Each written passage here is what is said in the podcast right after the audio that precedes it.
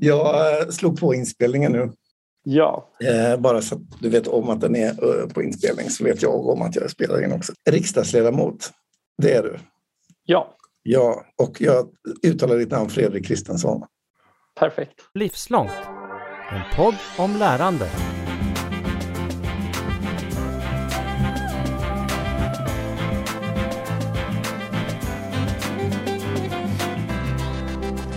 Yes box!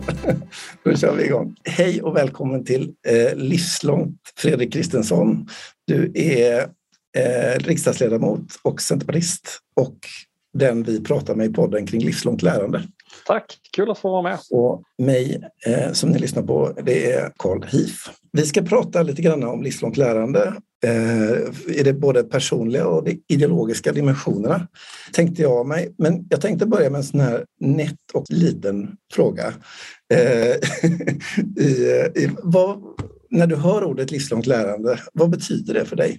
Nej, men för mig betyder det ju möjligheten att få utvecklas genom hela livet. Det är ju liksom från, från vaggan till graven i någon mån och det, det är väldigt brett för det är ju det som finns av formell karaktär men det är också informell eh, lärande som, som sker i olika sammanhang. Alltifrån eh, att man läser en, en utbildning eller en kurs till att man faktiskt i ett fikarum lär sig något nytt som man eh, kan ta med i både sitt arbetssammanhang men också privata sammanhang. Så att, eh, väldigt brett och genom hela livet ser jag eh, det och det är ju en nyckel för för människors utveckling och att man har en nyfikenhet på ny kunskap och nya färdigheter. När du säger att det är en nyckel, vad, vad tänker du på att den låser upp för dörrar då? Nej, men jag tänker framför allt att vi lever i ett ganska föränderligt samhälle eh, där världen förändras utifrån eh, nya omständigheter, ny teknik, eh, digitalisering och automatisering såklart. Men det kan ju också vara i de mindre sammanhangen att, att man faktiskt eh, ständigt får till sig ny kunskap. Och, och, kunskap är också någonting som efterfrågas på arbetsmarknaden. Alltifrån eh, ja, eh, såväl praktiska som teoretiska yrken att man har kunskap och, och lär sig utifrån att, hur samhället utvecklas. Det kan vara ny lagstiftning men det kan också vara mycket annat som händer och, och att det på det sättet öppnar upp dörrar att man faktiskt kontinuerligt fyller på med kompetens, eh, eh både som sagt formella men också informella eh, och på det sättet med nyfikenhet faktiskt tar sig an kunskap och därmed öppnar det upp möjligheter och dörrar för människor. Jag tänker att du, du är idag riksdagsledamot och det är ju ingenting man föds till, utan man blir vald till det i Sverige. Och det betyder också att någonting har hänt eh, på din egen livslånga resa som gjorde att du har hamnat där du befinner dig och, och vad livslångt lärande är för dig än så länge i, i, din livsresa. Hur skulle du beskriva att du kom dit du kom utifrån det livslånga lärandet från din horisont? Eh, nej men jag tror det är flera delar såklart. Alltså, i, som, som politiker så kan man ju ha diverse olika bakgrunder innan man hamnar där. Eh, och, och, jag har väl tagit min, eh, min resa längs denna vägen där jag eh, ja, dels en utbildningsmässig resa. Jag gick på en kommunal grundskola hemma i Lysekil som jag trivdes väldigt bra på men när jag var 15 så var jag också nyfiken på att testa vingarna och, och eh, framförallt eh, nyfiken på eh, entreprenörskap så jag flyttade 35 mil till Växjö för att läsa en eh, eh, gymnasieskola där som hade väldigt starkt eh, fokus på just entreprenörskap vilket ja, utvecklade mig såklart både som individ men också eh, ja, med de kunskaperna jag fick med mig från, från utbildningen.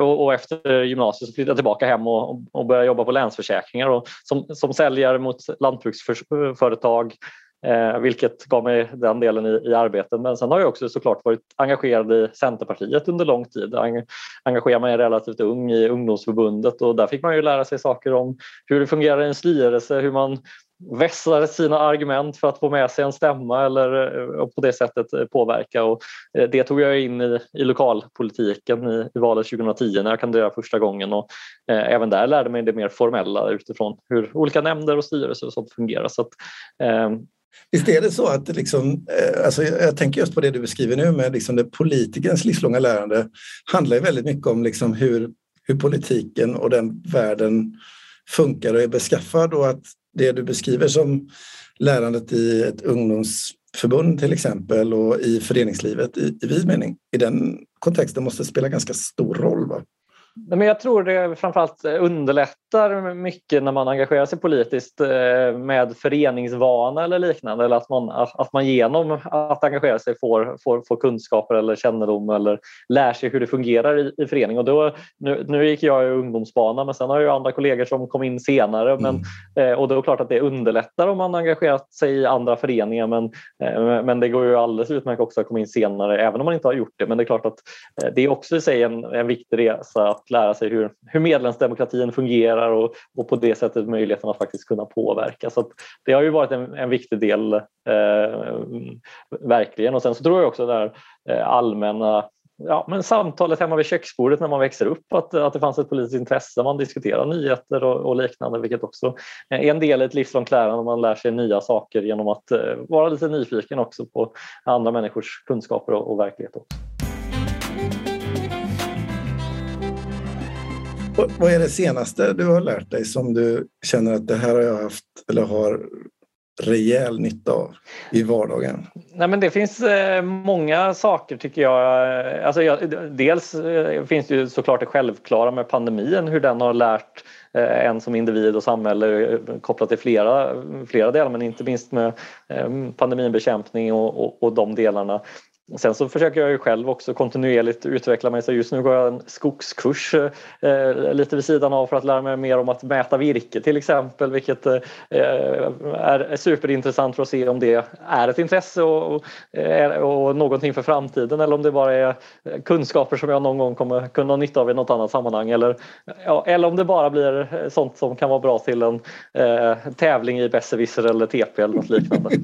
Vad var det med skogen som intresserade? Nu blir jag jättenyfiken. Eh, nej, men jag är ju uppväxt på en gård så att jag tillsammans med min syster bestämde oss för att eh, men det här är ju bra att veta inför kommande generationsskifte om det här är intressant och hur det fungerar eh, lite mer praktiskt liksom, eh, och, och, vad man bör tänka på eh, kopplat till det. Så var lite kopplat till framtida generationsskiften och då tänkte vi att ja, men vi, vi börjar med att få en bra kunskapsbas kring detta.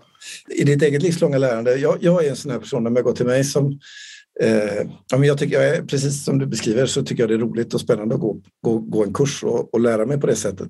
Men sen har jag ju med åren som också digitaliseringen har utvecklats kommit att upptäcka liksom tjusningen eller i, i det här med att man bara kan liksom lära sig stunden i ett sammanhang eller så. Då. Jag, och jag kan bara föreställa mig som riksdagsledamot att man måste hamna i väldigt många sammanhang där man möter någonting helt nytt som du måste lära dig eller, eller ta till dig av. Ja, men och det är ju det mest eh, spännande som riksdagsledamot vill jag säga att alla människor och all kunskap som man, man eh, får träffa och ta del av. Eh, och det tycker jag väl är det bästa nu sen vi har öppnat upp efter pandemin att man faktiskt får åter göra massa studiebesök och därmed få, få ny kunskap. Och dessutom har jag haft förmånen att jobba som forskningspolitisk talesperson under, under lång tid vilket gör att jag dessutom träffar många forskare med den kompetensen och, och, och ganska ja, med smala kunskapsområden där de kan på djupet där man får en liten eh, glimt av liksom hur, hur deras verklighet och, och, och vardag ser ut. Och jag, eh, tycker också eh, eh, en av de mest kunskapshöjande delarna faktiskt i riksdagsuppdraget är att det brukar vara en liten populärvetenskaplig genomgång av Nobelpristagarna på hösten eh, vilket eh, också är superspännande inte minst för att se eh, de, de spännande Nobelpris som har delats ut och vad de faktiskt innebär och, och hur det påverkar mänskligheten. Var det något särskilt Nobelpris eh, nu som du drar dig till minnes som du kände att det där var riktigt spännande att få ta del av? Eh, nej men det har ju varit eh, flera delar. Det var ju ett ekonomipris nyligen kopplat till, eh, till eh, hur, ja, hur man gör studier som jag tyckte var intressant, eh, det som hade påverkan på skolan. Nu var det ju ett halvår sedan som jag, jag fick den genomgången så att, det är väl också en del i det livslånga lärandet att man eh, inte bara ska lyssna vid ett tillfälle utan man kanske också sen behöver läsa in sig igen för att det också ska, ska fastna på minnet. Eh, jag tänkte vi skulle ge oss in på, på det ideologiska perspektivet. Jag roar mig inför de här samtalen med att gräva runt lite grann på respektive partis webbsida för att förstå ideologi och parti och sammanhang och sånt där. Och Centerpartiet är ju ett liberalt parti. Eh, så jag tänker mig att eh, skulle man beskriva er utifrån ett ideologiskt perspektiv så ligger liberalismen närmast till hands det stämmer eller? Det stämmer superbra. Ja. Eh, vi, har väl, vi, har, vi har väl sagt att vår liberalism är grön, jordnära och eh, social. Och då, då blir min fråga, när du tänker på det här du beskriver nu som ett livslångt lärande och om man vill att det ska stärkas och utvecklas så att man ser att liksom det finns ett stort värde av, av livslångt lärande för samhället. På vilket sätt ska man göra, åstadkomma det här när man liksom betraktar detta utifrån ett liberalt, liberalistiskt perspektiv? Vad är det i det liberalismen som hänger ihop med det här livslånga lärandet, tycker du? Nej, men jag tycker ju att eh, det finns flera delar utifrån ett, eh, ett, ett liberalt perspektiv. Eh, dels är just möjligheten till utbildning och bildning, eh, inte minst att, att det finns och att det är viktiga liberala värden. Eh, och det utformas ju på, på olika delar. Det är ju alltifrån att det finns ett, ja, men en, en skola som är till för alla, som är öppen och, och avgiftsfri. Det, att förskola finns i tidigare åldrar men en högre utbildning som också är, som är tillgänglig men också med ja, rimliga förutsättningar när det handlar om studiemedel och annat för att man faktiskt både ska kunna utbilda sig sig och, och, och bilda sig. Eh, Eh, och dessutom kopplat till bildningen så är ju eh, andra frågor som ligger utanför utbildningsutskottets område som också är viktiga. Så kopplat till bibliotek och tillgång till, eh, till, till den typen av saker men också en, en fråga som ligger Centerpartist nära är ju bredband och tillgång till det genom att just möjliggöra för människor att ta till sig kunskap men ja, det är också vidare, vidare syften att kunna bo och leva i hela landet. Så att, Eh, just eh, att alla har möjligheten och att det är inte utifrån varifrån du kommer utan faktiskt var är det någonstans du vill eh, som är fokuset på det livslånga lärandet. Det som det offentliga så att säga, ska ägna sig åt i det livslånga lärandet det är på olika sätt att, att möjliggöra för saker och ting. Och, och vad är det som är det viktiga i så fall att, att möjliggöra? Eh, precis som du säger så tycker jag det är just möjliggöra och, och, och då tycker jag också det är viktigt att eh, möjliggöra oavsett vilken erfarenhet eller bakgrund du kommer från oavsett om dina föräldrar är eh, fattiga eller rika att du får förutsättningar att faktiskt kunna utbilda dig och bilda dig och, och även kunna göra omställning senare i livet. Det är ju också en del i ett livslångt lärande. Eh, och då är det, har ju samhället en viktig roll i det där just med Eh, gemensamt finansierat i ett antal delar men eh, sen så tycker vi ju såklart att individen också har ett stort ansvar i detta att eh, samhället ska skapa förutsättningar men individer och företag har ju också en viktig roll i det livslånga lärandet på det sättet att ja, skapa förutsättningar helt enkelt för, för människor att kunna både utbilda sig med omskola sig eller bilda sig vidare senare. just de här tre aktörerna dyker väldigt ofta upp i samtalen om det livslånga lärandet. Jag som individ, jag har mitt ansvar för min eget liv och, och, och, och de val jag, jag gör. Och, och sen arbetar jag på en arbetsplats och min arbetsgivare har naturligtvis någon form av ansvar för att se till att jag har de förutsättningar eller möjligheterna som, eh, att kunna utbilda mig i det jag ska jobba med så att jag faktiskt kan göra det där som, som är på den där arbetsplatsen. Och sen har det offentliga ett ansvar för att, så att säga, skapa de här strukturerna, erbjuda vissa typer av tyngre utbildningssammanhang, det som vi normalt sett pratar om som liksom utbildningsväsendet och de formella bitarna och yrkeshögskolor och folkhögskolor och universitet och sådär. Vad skulle du säga särskiljer liksom dina och, och de liksom liberala dimensionerna till ett sånt här system jämfört med till exempel de konservativa eller de, de, de mera socialistiskt orienterade synsätten på hur man ska liksom hantera det här gemensamma lärandet? Eh, ja, men det, är en, det är en bra och, och relevant fråga. Jag, jag skulle, jag skulle kunna ta några exempel. Det är nästan mm. lättast ibland att djupa ner i någon form av eh, sakpolitisk verklighet för att, mm. för att också se eh, Eh, där, där jag skulle ändå, det korta svaret skulle vara ja, men vi har, har ett större tro på individens att äh, ansvar att skapa för, äh, ja, att, att, utveckla sig enligt och få ett livslångt lärande. Äh, och ett sådant exempel är ju där jag vet att partier på vänsterkanten längst ut gärna vill höja studiebidraget, alltså det, det offentligas del i, i, i möjligheten att kunna studera utifrån det, där vi istället ser att lånemöjligheten för att individen också ska se det som en investering att, och att dessutom med våra förslag där vi också vill sänka skatter på arbete och liknande, att man faktiskt i större utsträckning ser det som eh, en investering för individen eh, genom att på det sättet utveckla möjligheten för, för människor att kunna studera genom, genom då lån istället för bidrag när man tittar på studiemedelssystemet. Så det är väl ett sådant konkret exempel där, mm. det, där det skiljer sig lite i där skärningspunkten mellan ja, offentliga och, och individen.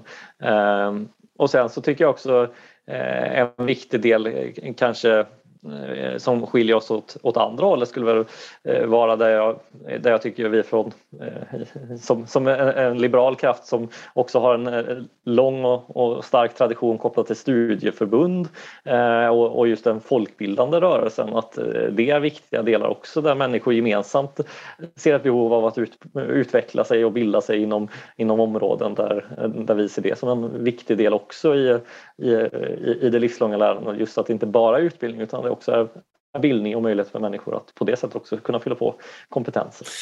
Och det är intressant det där, för du återkommer till begreppet bildning vid flera tillfällen här och också naturligtvis utifrån från det du beskriver att ni ser att det ska vara viktigt att kunna lära sig oavsett var man befinner sig och att därför liksom, en sån väldigt liksom, teknisk sak som bredbandsutveckling på något vis hänger ihop med utbildning. Jag får intrycket att det är den här liksom, bredare dimensionen av det livslånga lärandet som, som handlar om så att säga, hela människan på något sätt som är det som, som du för fram i hur du beskriver detta. Förstår jag, förstår jag det rätt? Då?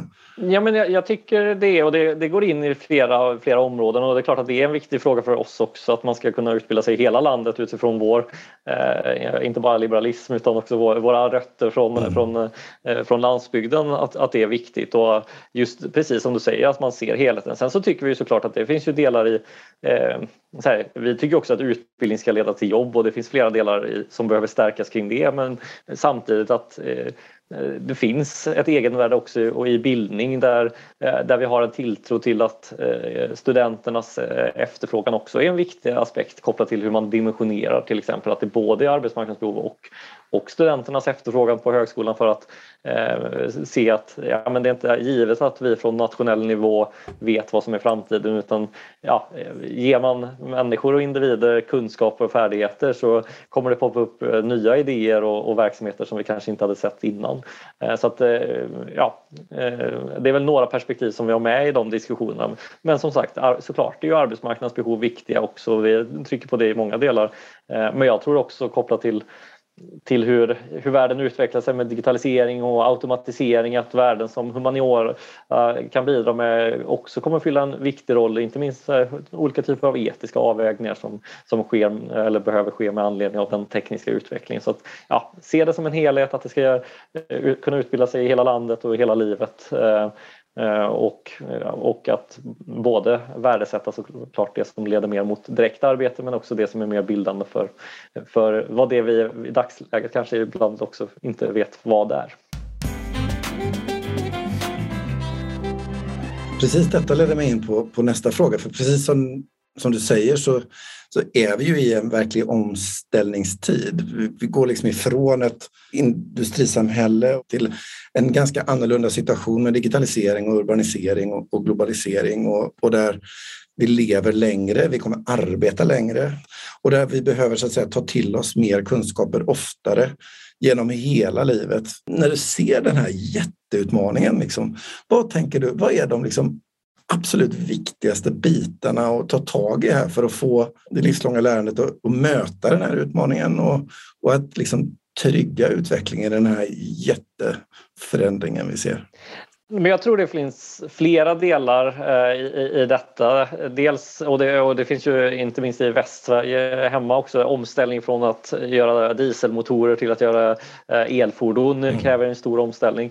Eh, vi har ju varit med och förhandlat omställningsstudiestödet som är en jätteviktig del, inte minst mitt i livet, att har du jobbat ett, eh, minst åtta år att få, få väldigt goda ekonomiska förutsättningar att faktiskt fylla på din kompetens för att kunna växla, eh, växla yrke eller fylla på för att eh, bli, eh, möta de behoven som finns på omställningen.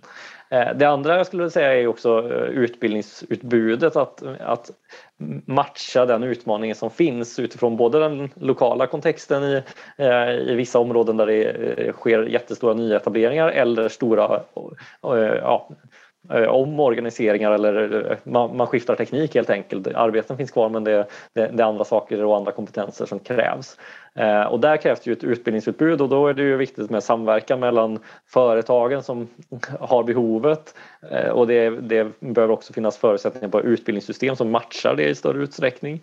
Ehm, det ser vi som superviktiga delar och sen såklart att individen också får förutsättningar. Och då klart, I det läget så fyller ju omställningsstudiestödet eh, en viktig del i det, eh, den möjligheten.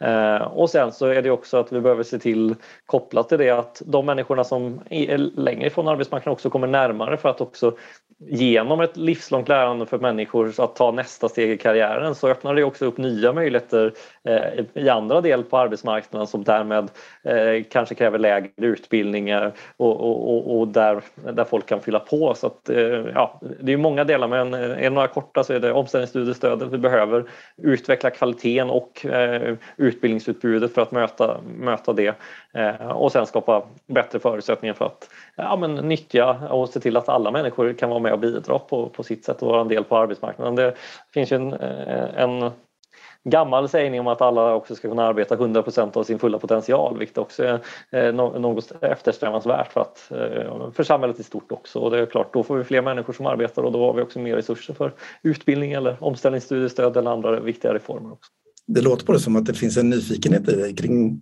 hur man ska ta sig an det här. Ja men verkligen. Och det är ju ett superspännande teknikskifte som just nu sker. Eh, och samtidigt jätteutmanande för att ska vi klara klimatutmaningen så behöver vi göra det här teknikskiftet på ganska kort tid.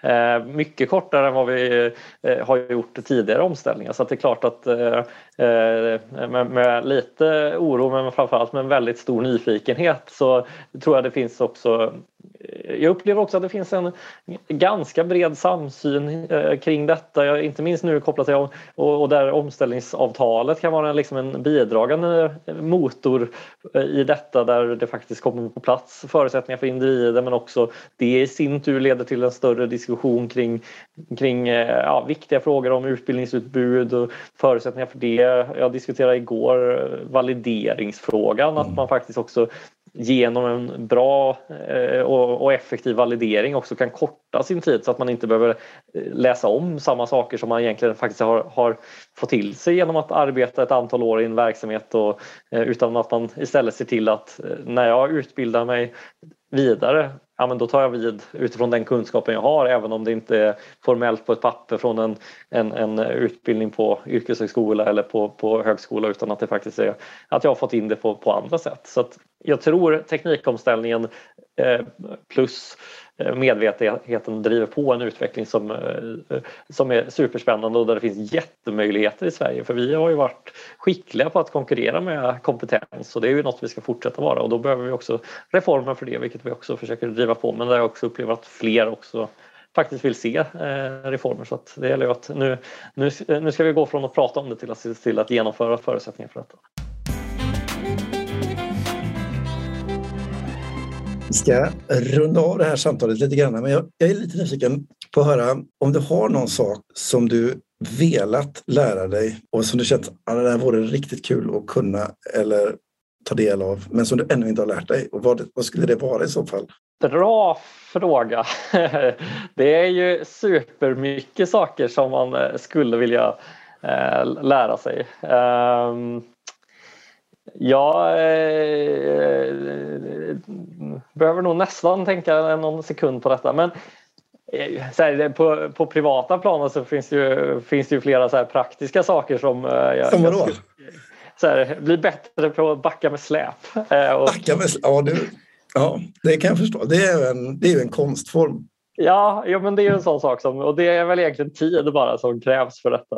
Eh, nej, men och sen finns ju massa saker kopplat till, som jag sagt när jag mött, eh, mö, möter forskare och annat, så det är ju saker man vill liksom djupa i och lära sig mer. Eh, och, och det tycker jag också är, det är väl det som jag tycker är det fina med livslångt lärande och bildning, att man ja, men det, i de små stegen, man lär sig något nytt och så hamnar man en kväll och sitter och söker på allt som, eh, som finns om detta. Liksom. Eh, och det är väl mer det jag tänker själv, att avsätta tiden för det där. Du använder det av begreppet att djupa i. Det var ett riktigt fint sätt att uttrycka på, att liksom bara avsätta tid och nörda in sig i en sak. Det är det som innebär att djupa sig i någonting. Att ja. ja. Precis, och det är, ju, det är väl något många gör. Liksom. Man hör någonting på nyheterna eller något tv-program och så var det, ja men hur fungerar det här egentligen? Eh, eller man ska snickra hemma och så börjar man sitta och kolla på massa olika saker. Eller, eh, och så. Och det är ju eh, det är därför oftast, jag, politiken är ju verkligen en, en, en, fantastisk utbildning i sig just för då är det verkligen ofta djupa i att det kommer upp en fråga och så börjar man djupa i dem genom att ägna väldigt mycket tid att fundera på vad, vad är det för policyreformer som behövs eller hur fungerar det här? Vad, vad säger lagstiftningen? Vad gör man i andra länder? Och på det sättet försöka komma fram till kloka, kloka saker att göra framåt. Är det någon fråga som du känner att jag har missat att ställa eller någonting som du känner att du vill ge uttryck för utöver det vi har avhandlat här när det kommer till livslånga lärandet? Egentligen inte. Jag tycker jag har fångat ganska väl och sen finns det en massa saker att, eh, att djupa i liksom, för det är kopplat till detta. Med, eh, jag tycker en viktig del är ju perspektivet hela landet för att det är ju också utifrån ett politiskt perspektiv så tycker jag det, det är en viktig fråga. Hur ser man till att människor som liksom har stadgat sig på en plats får möjlighet att senare kunna eh, vidareutbilda sig? Och då är ju digitaliseringen en superbra mm. möjlighet att man faktiskt ska kunna bo kvar i villan med familjen eh, och inte behöva flytta till en universitetsort eller flytta långt bort för att läsa. Eh, och där tror jag det finns eh, mycket och där ska jag själv försöka bidra med i den politiska diskussionen att se vad vi kan göra politiskt för att just möjliggöra det. Eh, sen kommer det självklart finnas behov för människor också att behöva flytta ibland för utbildning utbildning och arbete. Men eh, jag tror i större utsträckning också kan möjliggöra med lite kortare moduler, bättre distansutbildningar, lärcenter och andra saker för att man också faktiskt ska kunna få ett livslångt lärande oavsett var man bor i Sverige. Och det är ju spännande nu till exempel med MOX-utbildningar, att man kan ta del mm. av eh, korta utbildningar från de eh, bästa universiteten i världen och liknande. Och hur ser vi till att få fart på det på riktigt? Fredrik, stort tack för att du var med i podden Livslångt. Tack själv, ha det gott ja. Hej. Hej. Fredrik Kristensson, riksdagsledamot och utbildningspolitisk talesperson för Centern hörde vi i vårt näst sista avsnitt inför valet här i Livslångts valspecial. Hösten och valdagen står ju verkligen precis inför dörren. Och det var Carl Heath som pratade med Fredrik, precis som han har gjort med alla andra partier. Och det är då ett parti kvar som vi lägger ut senare den här veckan. Missa inte Miljöpartiet då. Jag heter Katarina Pjertsak och vi är så glada att du vill följa med här i vårt samtal om lärande i podden Livslångt. Du har just hört Livslångt, en podd från RISE om allt det där man lär sig i livet.